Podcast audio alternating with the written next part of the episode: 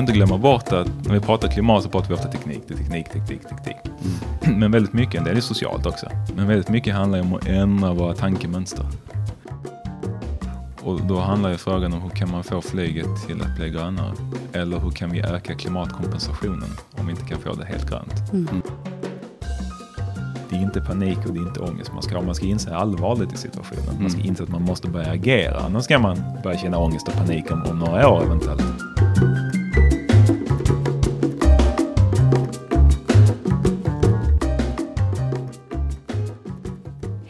Och välkomna till Esplanad, en podd om staden, trafiken och framtiden producerad av Trivector. Jag heter Caroline Ljungberg Tolsson och jag jobbar på Trivectors Lundakontor. Jag heter Axel Persson och jobbar på Trivectors Göteborgs kontor. Eh, och jag har tagit tåget ner till Lund, eh, för det är där vi är och befinner oss och spelar in idag i Trivectors lokaler på Vävaregatan 21. Mm, trevligt att ha dig här, Axel. Eh, och vi har också besök av nationalekonomen Fredrik Enge Andersson. Välkommen till podden. Tack så mycket. Ja, och Fredrik är docent i nationalekonomi och forskar, forskar bland annat kring långsiktig strukturomvandling med fokus på ekonomi. Eh, och jag tror du får börja med att förklara, Fredrik. Vad innebär detta? Vad detta innebär? Jo, det innebär att man tittar på hur ekonomin har förändrats över tiden. Hur den förändras med ny teknik, eh, nya sociala mönster, eh, ny infrastruktur, ny, ener nya energikällor. Eh, hur det kommer fram, hur det uppstår. Eh, men även hur det skapar inlåsningseffekter. Mm. Därför tittar man genom historien så ser man att vi har haft olika epoker. Mm. Där ekonomin och samhället har utvecklats i en viss riktning.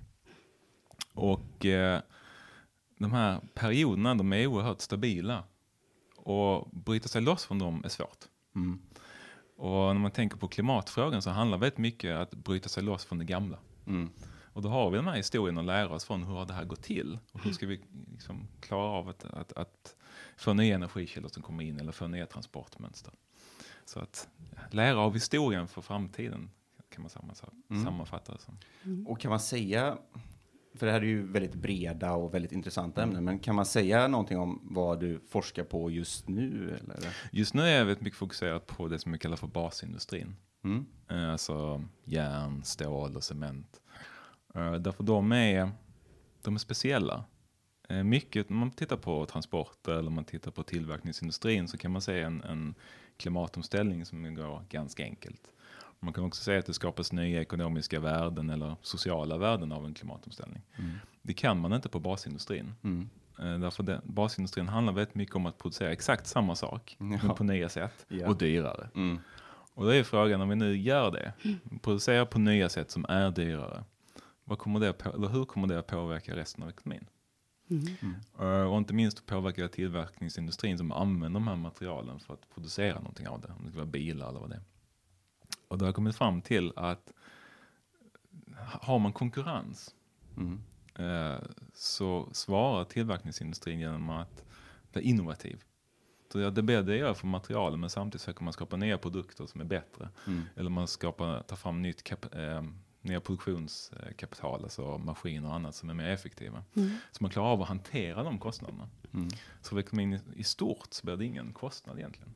Så, vi klarar, så budskapet är att ja, men vi kan klara av att ta basindustrin till nya produktionsmetoder. Ja, det kan bli dyrare, men det drabbar inte vår ekonomiska välfärd egentligen i någon större utsträckning.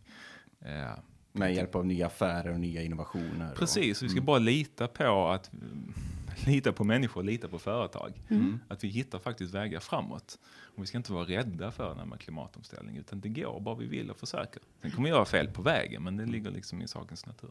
Mm. Spännande. Vi återkommer till det sen. Eh, den här podden handlar ju om staden, trafiken och framtiden. Eh, vad är din relation till de här ämnena? Eh, forskningsmässigt har jag tittat lite på i, tidigare liksom hur eh, infrastruktur och eh, stadsplanering, vilken vikt det har. Jag sitter också med i Lunds kommuns klimatpolitiska råd. Mm. Det handlar ju väldigt mycket om, om stadsplanering och mm. trafik.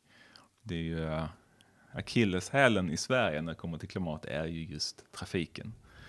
Och en kommun har ju inte jättemycket inflytande direkt över vilken energikälla man använder, vilket drivmedel man använder i, i trafiken. Men man kan påverka stadsplaneringen. Mm.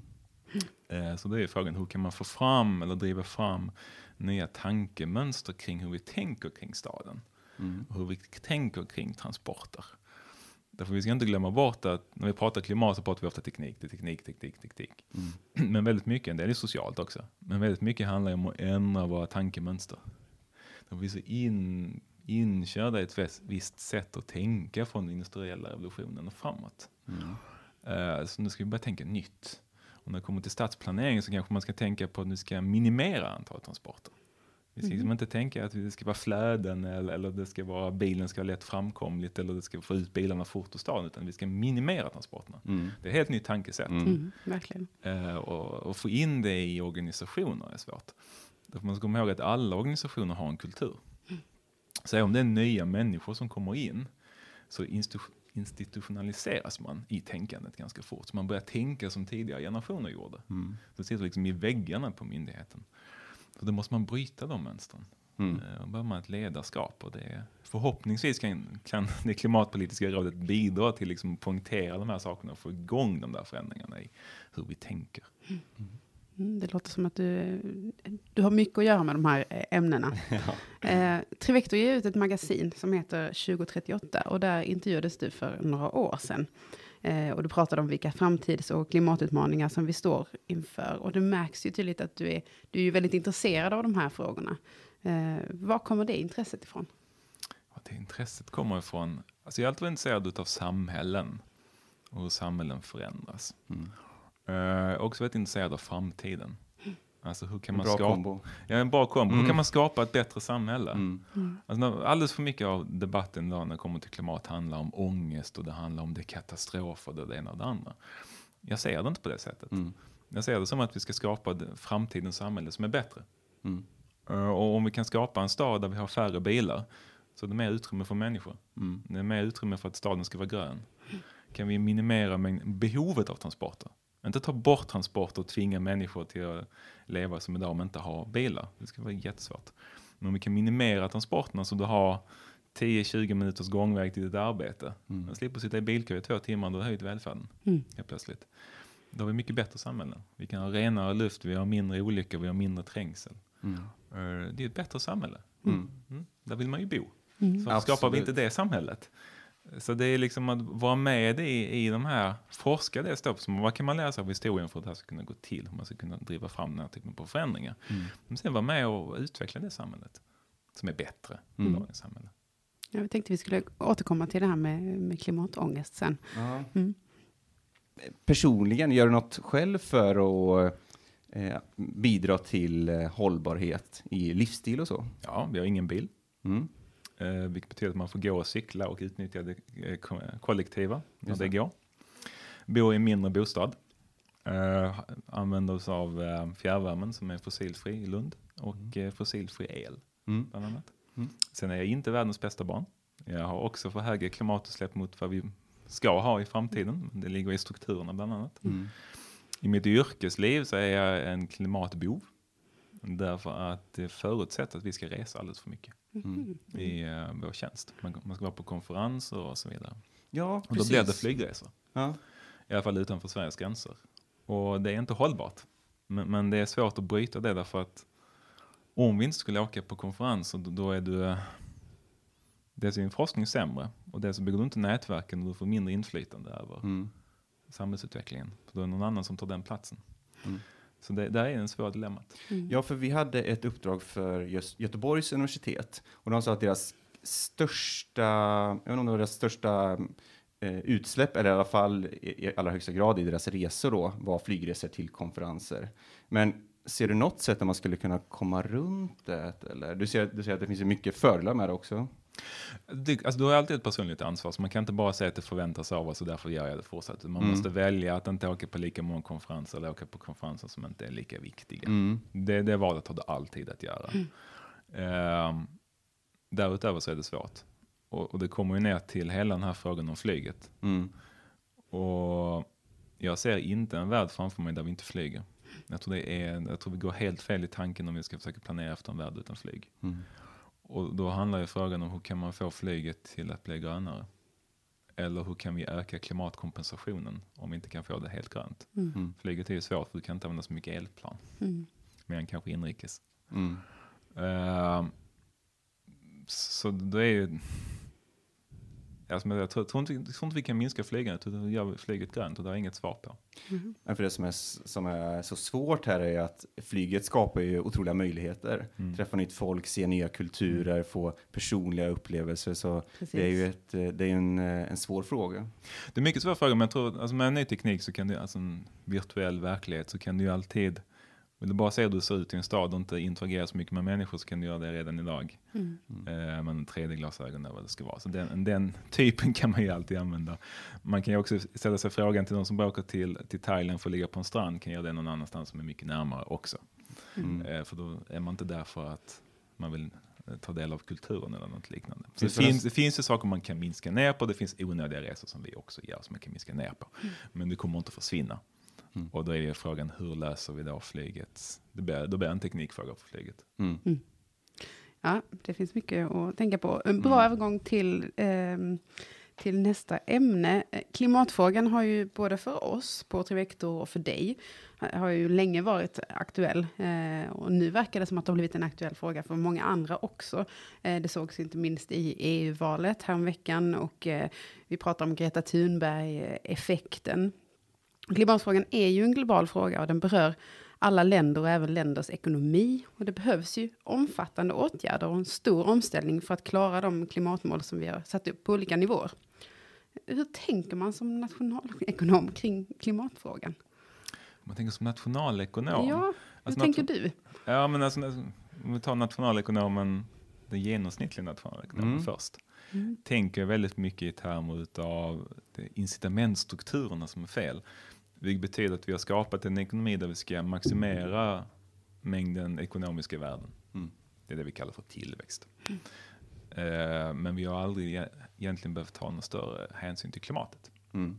Nu gäller det att ändra på de incit- incitamentstrukturerna. Så vi fortsätter att maximera de ekonomiska värdena, men man tar klimathänseende samtidigt. Och då finns det i nationalekonomin två skolor. Den ena som säger att egentligen det enda vi behöver det är ett pris på utsläpp. Det är en koldioxidskatt eller det är ett handelssystem med utsläppsrättigheter och sen är allting klart. Mm. Mm. Det är den enkla vägen. Mm. Sen finns det en bredare skolan som jag tillhör som säger att ja, det är väl bra, men det finns ju så mycket mer. Det finns inlåsningseffekter som vi pratade om tidigare. Att vi har den infrastruktur vi har, vi har de villamattor vi har, vi har det elnätet vi har. Vi har de lagar och regler som vi har och de är anpassade efter den tekniken vi har. Mm. Det är inte så att politiken kommer från, från himlen, utan den är anpassad efter hur samhället utvecklas. Mm. Så det finns mycket mer vi måste ändra på för att ändra på incitamentstrukturerna. Sen om man tittar från nationalekonomiskt håll så är man ju ganska optimistisk i att man kan se en ekonomi som fungerar och fortsätter att leverera en bra ekonomisk välfärd. Och ha en klimatomställning samtidigt. Det är möjligt. Eh, Det är, inte, det är inte ekonomin som det brister på. Pratar man med ingenjörer så är det inte tekniken det brister på heller. Mm. Jag ska säga någonstans det brister så är det politiken. Mm. Att politiken har ännu inte riktigt insett det här att det är en samhälls, samhällsutvecklingsfråga. Mm. Att man måste börja fatta val och man måste göra större förändringar. Det kan vara stadsplaneringen till exempel. Eller eh, hur vi ska ha elnätet eller någonting annat. Eh, Och det pratar, vi pratar om den här Greta-effekten och, och EU-valet. Det, det pratas väldigt mycket. Mm. Mm. Det gör ju det. Men det görs väldigt lite Mm. egentligen. Alltså de stora, stora fundamentala frågorna. Och det som gör mig pessimistisk är att jag har hållit på med det här i över tio års tid. Och i början tänkte jag ja men nu, nu pratar vi om detta, nu kommer vi fram olika vägar framåt, sen så kommer politiken börja agera, men politiken har inte börjat agera ordentligt. Mm. Eh, och, och nu börjar det hasta om vi ska göra någonting, därför att Mm. det är inte så att du ändrar en stadsplanering på fem år. Eller ett Nej. elnät på fem år, det tar ju lång tid. Mm. Och då måste man ju börja redan idag att göra någonting. Eh, Så ska man vara pessimistisk så är det vår, det politiska systemets konservatism. Mm. Okej. Vad, Mm. vad tror du om, eh, för att politik är ju en sak och sen så pol- politikerna eh, väljs ju då av eh, medborgare och vad tror du om det medborgartrycket då? Vad vill folk? För vi ser till exempel nu med eh, det här bensinupproret 2.0 och Alltså hur får man till en politisk rörelse då i en önskvärd riktning Mm. utan att det får någon backlash? I ett forskningsprojekt vi hade 2013 så, så pratade vi om det. Och då kom vi fram till, eller vi lärde oss historien där också. Mm. Att man kan ha stor politisk förändring. Men man måste skapa politiska koalitioner som är bestående över tiden. Alltså de, de försvinner inte efter fyra år. Mm. Och utan kampen mellan partierna blir vem är bäst på att implementera den här visionen man har. Vi, vi kan gå tillbaka i tiden så hade vi liksom den socialdemokratiska hegemonin på 30-talet fram till 70-talet. Då tävlade alla borgerliga partier, inte bara i Sverige utan runt om i den utvecklade världen, om att vara goda socialdemokrater. Vem kan bygga ut välfärdsstaten, snabba, välfärdsstaten snabbast? På 80-talet gick vi över i någon form av mer liberal era. Vem kan vara den bästa liberalerna? Mm. Och då tävlar alla partier om det. Vi måste skapa en ny hegemoni som handlar om vi ska bygga det klimatsmarta samhället. Vem gör det bäst? Mm. Men den hegemonin, så skapa den, så tror jag du måste ha en vision, en positiv vision av framtiden. Det som vi pratade om innan, att hur mycket bättre framtidens samhälle är. Mm. Så folk kommer med på banan och vill ha det. Mm. Det är det första. Sen tror jag inte människor, gemene man, lägger så någon större tid på att tänka igenom vilka politiska val man har, utan man väljer politiker som man har förtroende för, som det är upp till dem att motivera vad man gör och visa vad man gör. Så det är politikerna som måste vara drivande i att sätta rätt på de här strukturerna sen, som människor kan svara på. Mm. Eh, och det är där jag inte ser riktigt att man har formulerat den positiva visionen om framtiden ännu. Och Mm. jag tycker också det jag märkt i mitt arbete med politiker, att man är väldigt rädd. Och man vill gärna att vi akademiker ska tala om för dem vad de ska göra. Mm. Mm. Det kan vi aldrig göra. Det är de som, som ska utarbeta politiken. Mm. Vi kan bara ge råd och peka på liksom vad, hur man kan göra, men det är de som måste göra valen. Så politiska modet här saknas. Mm. Så de vill ha underlag liksom för att eh, nästan ha ryggen fri då? I De vill ha ryggen fri. De vill Ja. säga att men, de här akademikerna har sagt och Ja. därför gör vi nu detta Ja. för det är rätt. Istället för att de säger någonting. Mm. Eh, men det har ju alltid varit de här stora, när vi sett de här politiska hegemonierna skapas, så har vi alltid haft några starka ledare som liksom drivit det här. Mm. Akademin har alltid varit med i att hjälpa till och ge svar, men akademin har inte gett de exakta svaren, det kan Mm. vi inte. Nej. Det är vår roll Nej. att göra. Ehm, så om vi tar bensinupproret, det är också en sak som jag har skrivit om att vi, vi kan inte börja med att fasa ut de fossila bränslen innan vi har ett alternativ. Mm. Det behöver inte vara ett tekniskt alternativ. Det kan vara ett socialt alternativ också. Att man ändrar hur man bor eller hur man lever. Men du kan inte gå in till folk på landsbygden till exempel och säga att nu ska vi chockhöja bensinpriset. Mm. Jaha, men vad ska vi göra? Jag ska köra mindre bil. Ja, men jag måste köra bil. Mm. Jag kan inte komma någon annanstans. Jag kan komma till mitt jobb. Jag kan inte handla. Jag kan inte göra någonting om jag inte har bilen. Jag måste Nej. köra bilen. Mm. Ändå skulle du ha en, en elbil. Ja, men den har jag inte råd med för jag tjänar inte så mycket pengar. Mm. Så vi måste börja tänka i vad säger, sekvens. Att vi börjar med att möjliggöra en omställning. Mm. Och sen börjar vi fasa in det nya och så fasar vi ut det gamla. Just det. Och, och bens, höjd, höjd bensinpris är jättebra på att fasa eh, ut det gamla, hjälpa till att fasa in det nya. Men det nya måste finnas där först. Mm. Det första. Och det betyder ju att när vi kommer till landsbygden så är det mycket svårare än om vi pratar städerna. Det är en fråga som berörs väldigt ofta i diskussionen om samhällets utveckling. Och det är ju de här växande klyftorna mellan eh, Ja. stad och land. Eh, och det lyfts också allt eh, oftare kopplat till samhällsplanering och transportsystemets utveckling. Eh, mycket investeringar och satsningar de görs ju i de stora städerna. Eh, och befolk- befolkningsunderlaget minskar på landsbygden och skillnaderna ökar. Eh, vad ska vi göra? Hur ser du på den utvecklingen? Mm, jag tror, ska man klara en, en klimatomställning måste man kunna hantera vinnare och förlorare. Det finns bä- bägge två. Mm. Har alltid funnits bägge två, så det är ingenting som är unikt för den här frågan. Eh, då är en välfärdsstat väldigt bra. Eh, och en välfärdsstat är byggd på solidaritet. Mm. När jag tänker på, på städer och alla de här satsningarna man gör i städer på kollektivtrafik och annat. Mm.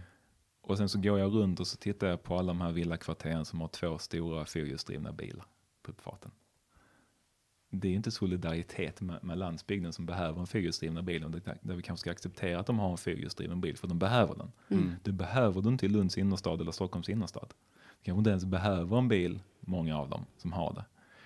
Så jag tycker man ska ge sig inte på landsbygden förrän vi liksom har kommit på hur vi ska hjälpa dem i en, i en omställning. Men ge oss på där vi redan kan. Mm. Lunds innerstad, nej du har inte fyrhjulsdrivna bilar, du får inte lov att köra runt med i Lunds innerstad eller i Stockholms innerstad.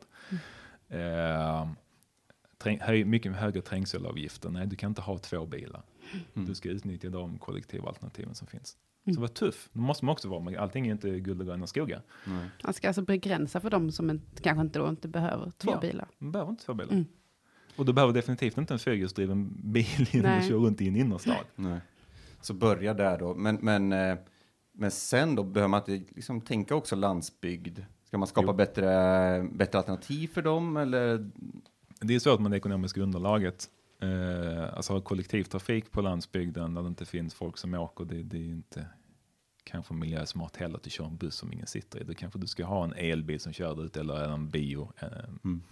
Någon som går på biobränslen trots att där finns utsläpp, att vi får acceptera det. Mm. Eh, sen kan ju också i en omställning så kan ju delar av landsbygden bli vinnare. Dels kanske därför vi använder mycket mer av IT, så man kan jobba mycket mer på distans. Mm. Det kan också vara så att om vi ska producera mer biobränslen, att då ska någon odla detta. Ja. Det kan också vara på landsbygden. Eh, så jag tror definitivt, menar, landsbygden har ju alltid haft problem i hela industriella revolutionen. Har ju alltid varit avbefolkningsområden nästan. Eh, så det är ju ingenting som är nytt. Och det, det får vi hantera med samma verktyg som vi haft tidigare. Eh, och i, men i klimatomställningen så ge, ge oss inte på dem först och eh, låt dem eventuellt vara lite annorlunda. Mm. För något som jag tycker mig se är att visst, det finns de som gärna bor i staden och tar del av alla, allt utbud som finns där. Men att det finns en ganska stor grupp som vill bo på landet med de fördelarna som finns där. Men sen så vill man jobba i stan också. Och den kombinationen är ju väldigt svår om många vill, vill göra den. Mm, men man kan inte få allt. Det har aldrig varit så att man kan få allt. Nej. Och i, i eh, samhället idag så är det definitivt så att det finns ekonomiska restriktioner. Att det ska gå att finansiera. I, I framtidens samhälle kommer det också finnas eh, klimatrestriktioner som man också ska ta hänsyn till. Så ja, du kanske vill men du kan inte få. Mm. Precis som du kan få av ekonomiska skäl idag. Mm. Så är det bara. Eh, och sen vill man bo på landsbygden med alla de fördelarna, då får man kanske ge upp någonting annat. Mm. Du kan inte ha kakan och äta den samtidigt. Nej. Då gäller det att eh, eh, politiken kliver in där också då. Ja, Mm. det gör det. Och att det kommer med solidariteten och, och, och annat. Att så lättare för landsbygden och inga bensinuppror om man har liksom sagt åt stadsborna först. Mm. Det låter som att det kommer bli alltså, nya sätt att leva på som kommer Ja. krävas, Ja, så är det. helt enkelt. Mm.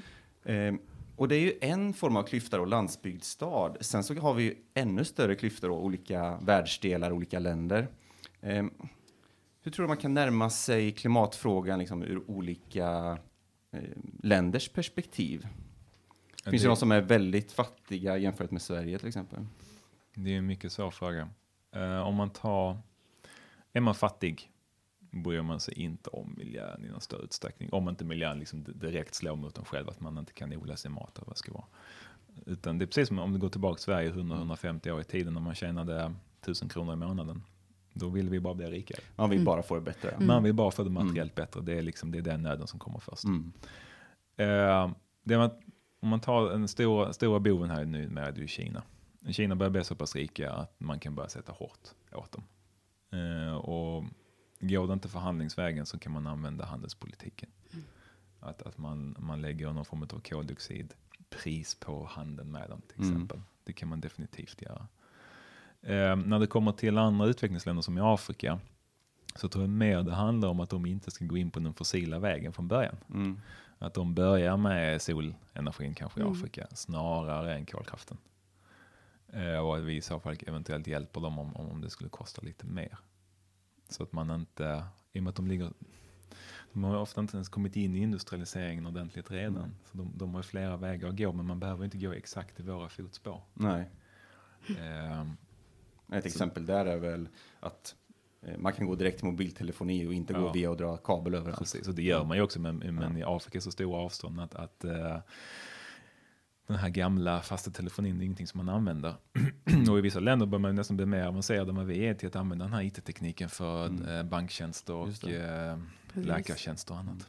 Men vi pratade om det innan och om, som man ibland hör, att om Sverige gör stora förändringar och vi har ambitiösa klimatmål, men om inte Kina och Indien hänger på, vad spelar det då för roll vad vi gör i Sverige? Ja, på klimatet spelar det ingen roll alls, men min utgångspunkt är att vi alla kommer behöva göra någonting. Och det är klart, vi kan ju inte springa hur långt före som helst och ta hur stora kostnader som helst, för då, då förlorar vi konkurrens. Jag ser det. Mm. Men det finns ju mycket vi kan göra eh, som kan bli vinst eller som egentligen inte kostar så mycket. Eh, och, och, kan vi gå före och visa vägen så det är väl bara bra. Ska du nå till noll så måste alla gå, nå, gå till noll oavsett mm. vad som händer. Absolut. Så jag tycker definitivt inte bara Sverige ska sitta och vänta och inte göra någonting. Men syns det vad vi gör? Alltså... Nej, det gör det inte. Men om, om, mm. om Sverige skulle ta bort alla våra utsläpp så tror jag det motsvarar två eller tre veckors ökningstakt, något liknande, mm. de globala utsläppen säger. Det är klart vi är alldeles för små för det. Mm. Men det kan man ju ta på en individnivå också, så det spelar ingen roll vad jag gör därför att mina utsläpp är så små. Mm. Men så kan man inte tänka. Man måste, man måste säga att vi alla har ett ansvar att gå mot noll. Mm. Uh, Utifrån sina förutsättningar. Utifrån våra förutsättningar, precis. Och, och sen då vara hård mot länder som Kina och kanske Indien också, och USA för den delen. Mm. Eh, vi pratade lite innan här om marknadsekonomi. Eh, och det är ett väldigt intressant ämne här. Och eh, du säger ju ofta att eh, hållbarhet kräver marknadsekonomi. Eh, och att det är upp till marknaden då att komma fram till nya lösningar för hur vi kan lösa det här. Men att politiken och samhället måste ja, sätta spelreglerna eller bygga en plattform för detta. Eh, hur kan vi gå i den här riktningen mot de här målen eh, med hjälp av marknadsekonomi?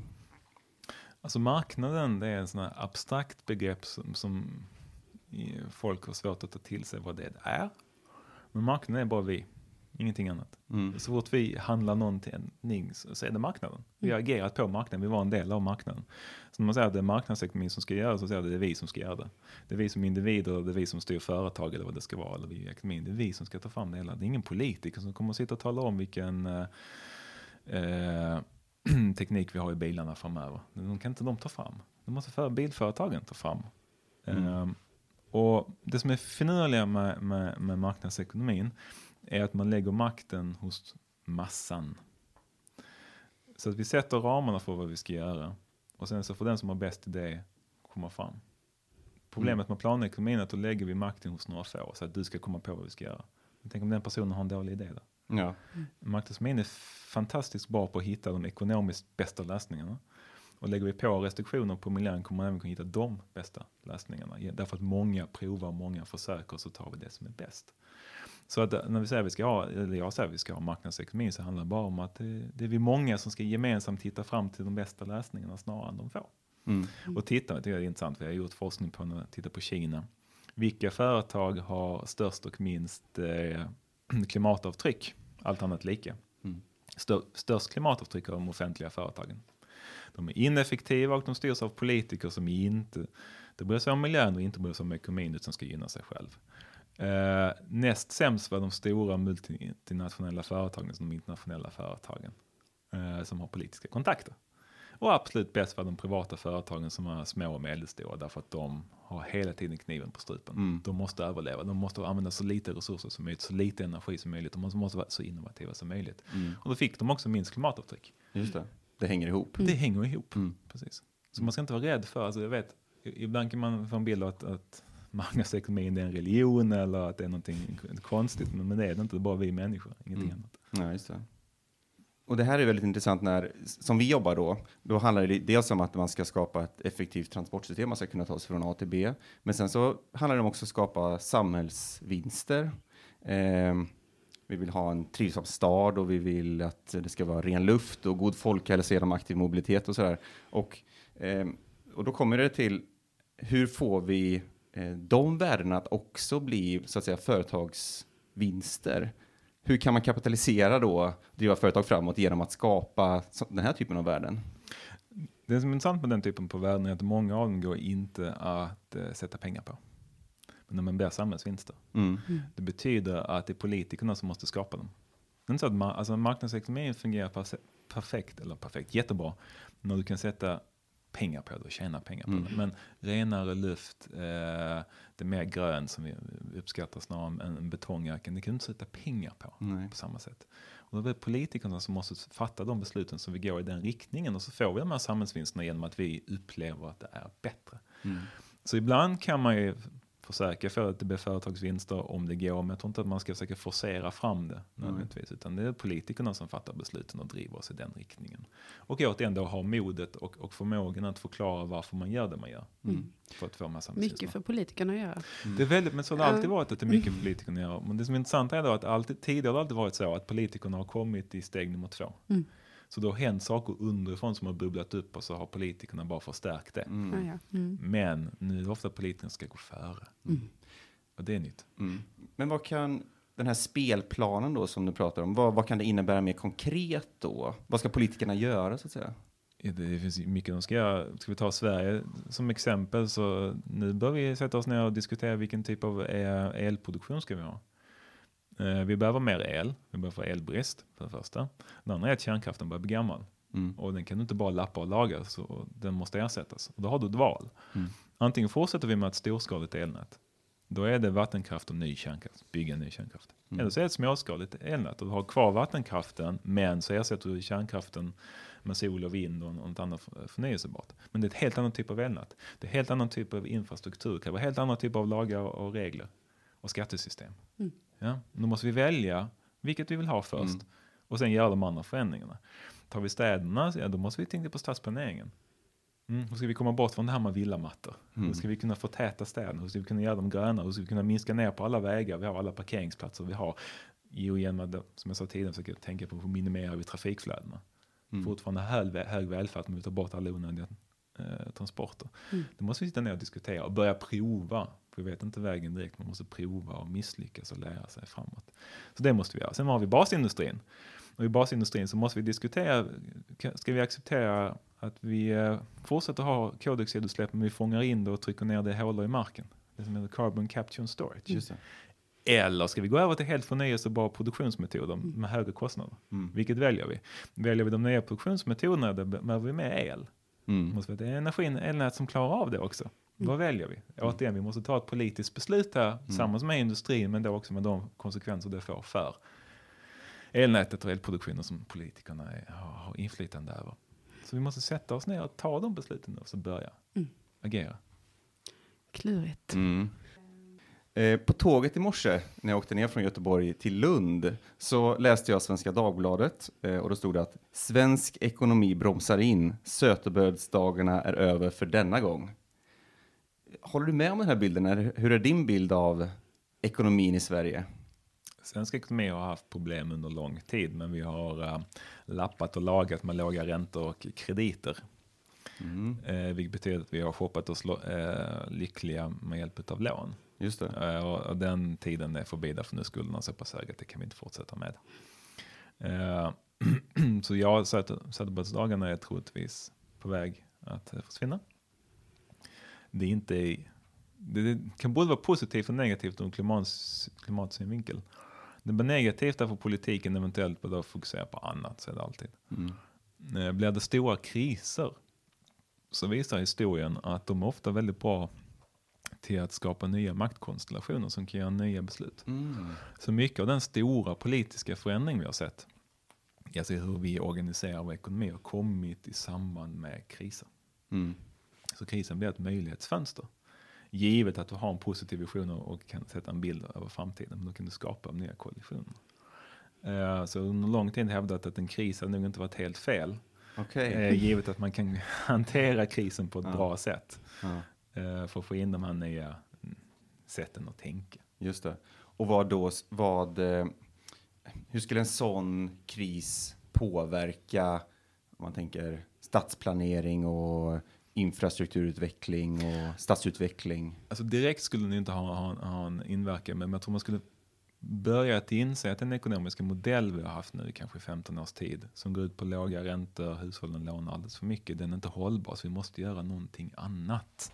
Och då kan man använda det här till att tänka efter, men vad är det någonting annat vi ska göra? Ja, det handlar inte om att bygga ut basindustrin och det handlar inte om att bygga ut Volvo, det handlar inte om att bygga ut någon varvsnäring eller något liknande som man skulle gjort förr i världen.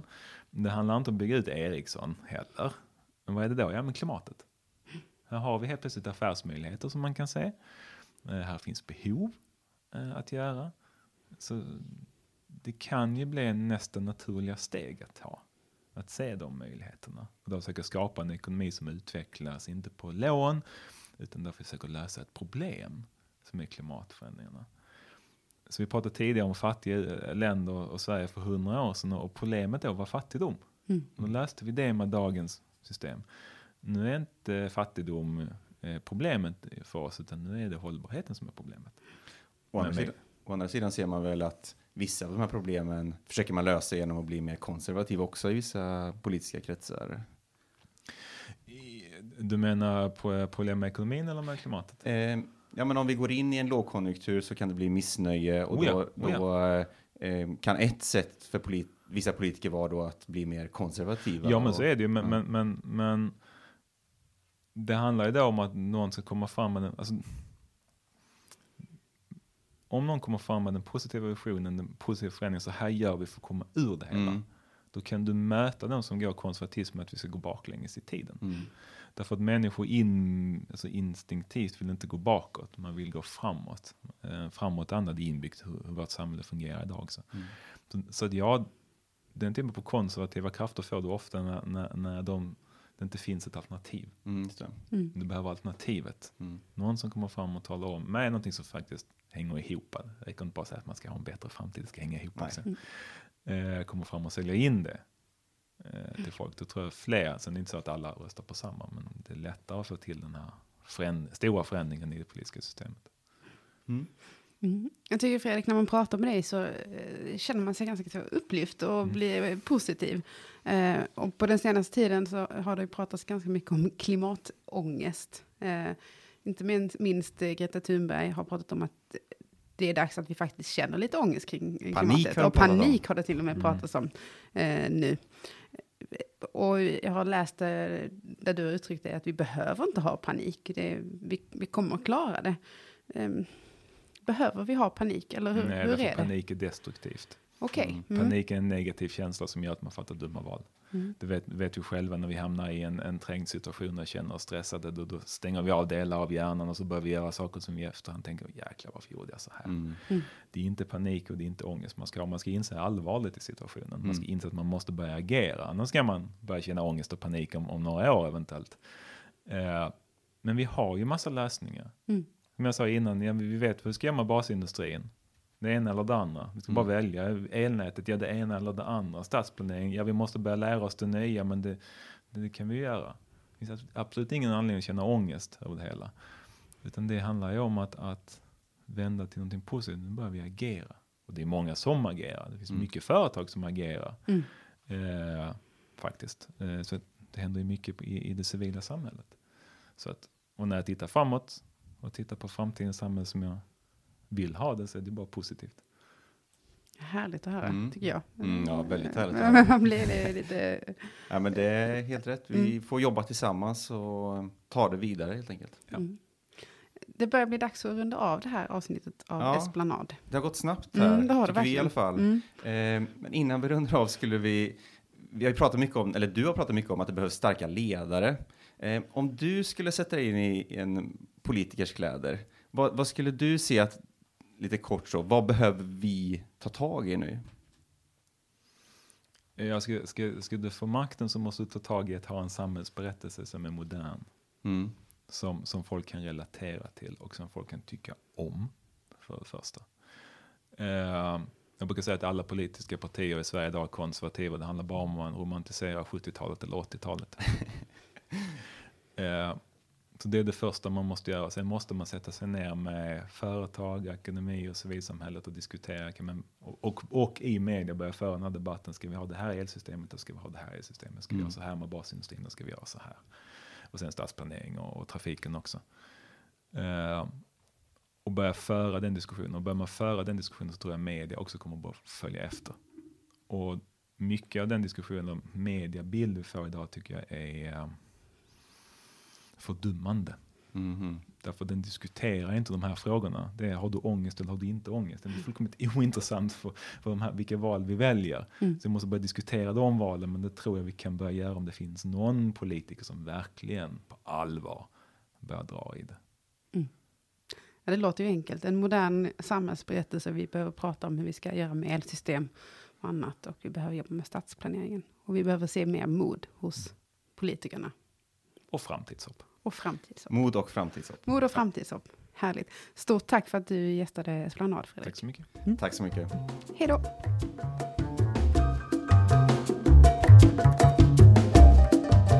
Vill du veta mer om podden eller om Trivector? Besök då trivector.se.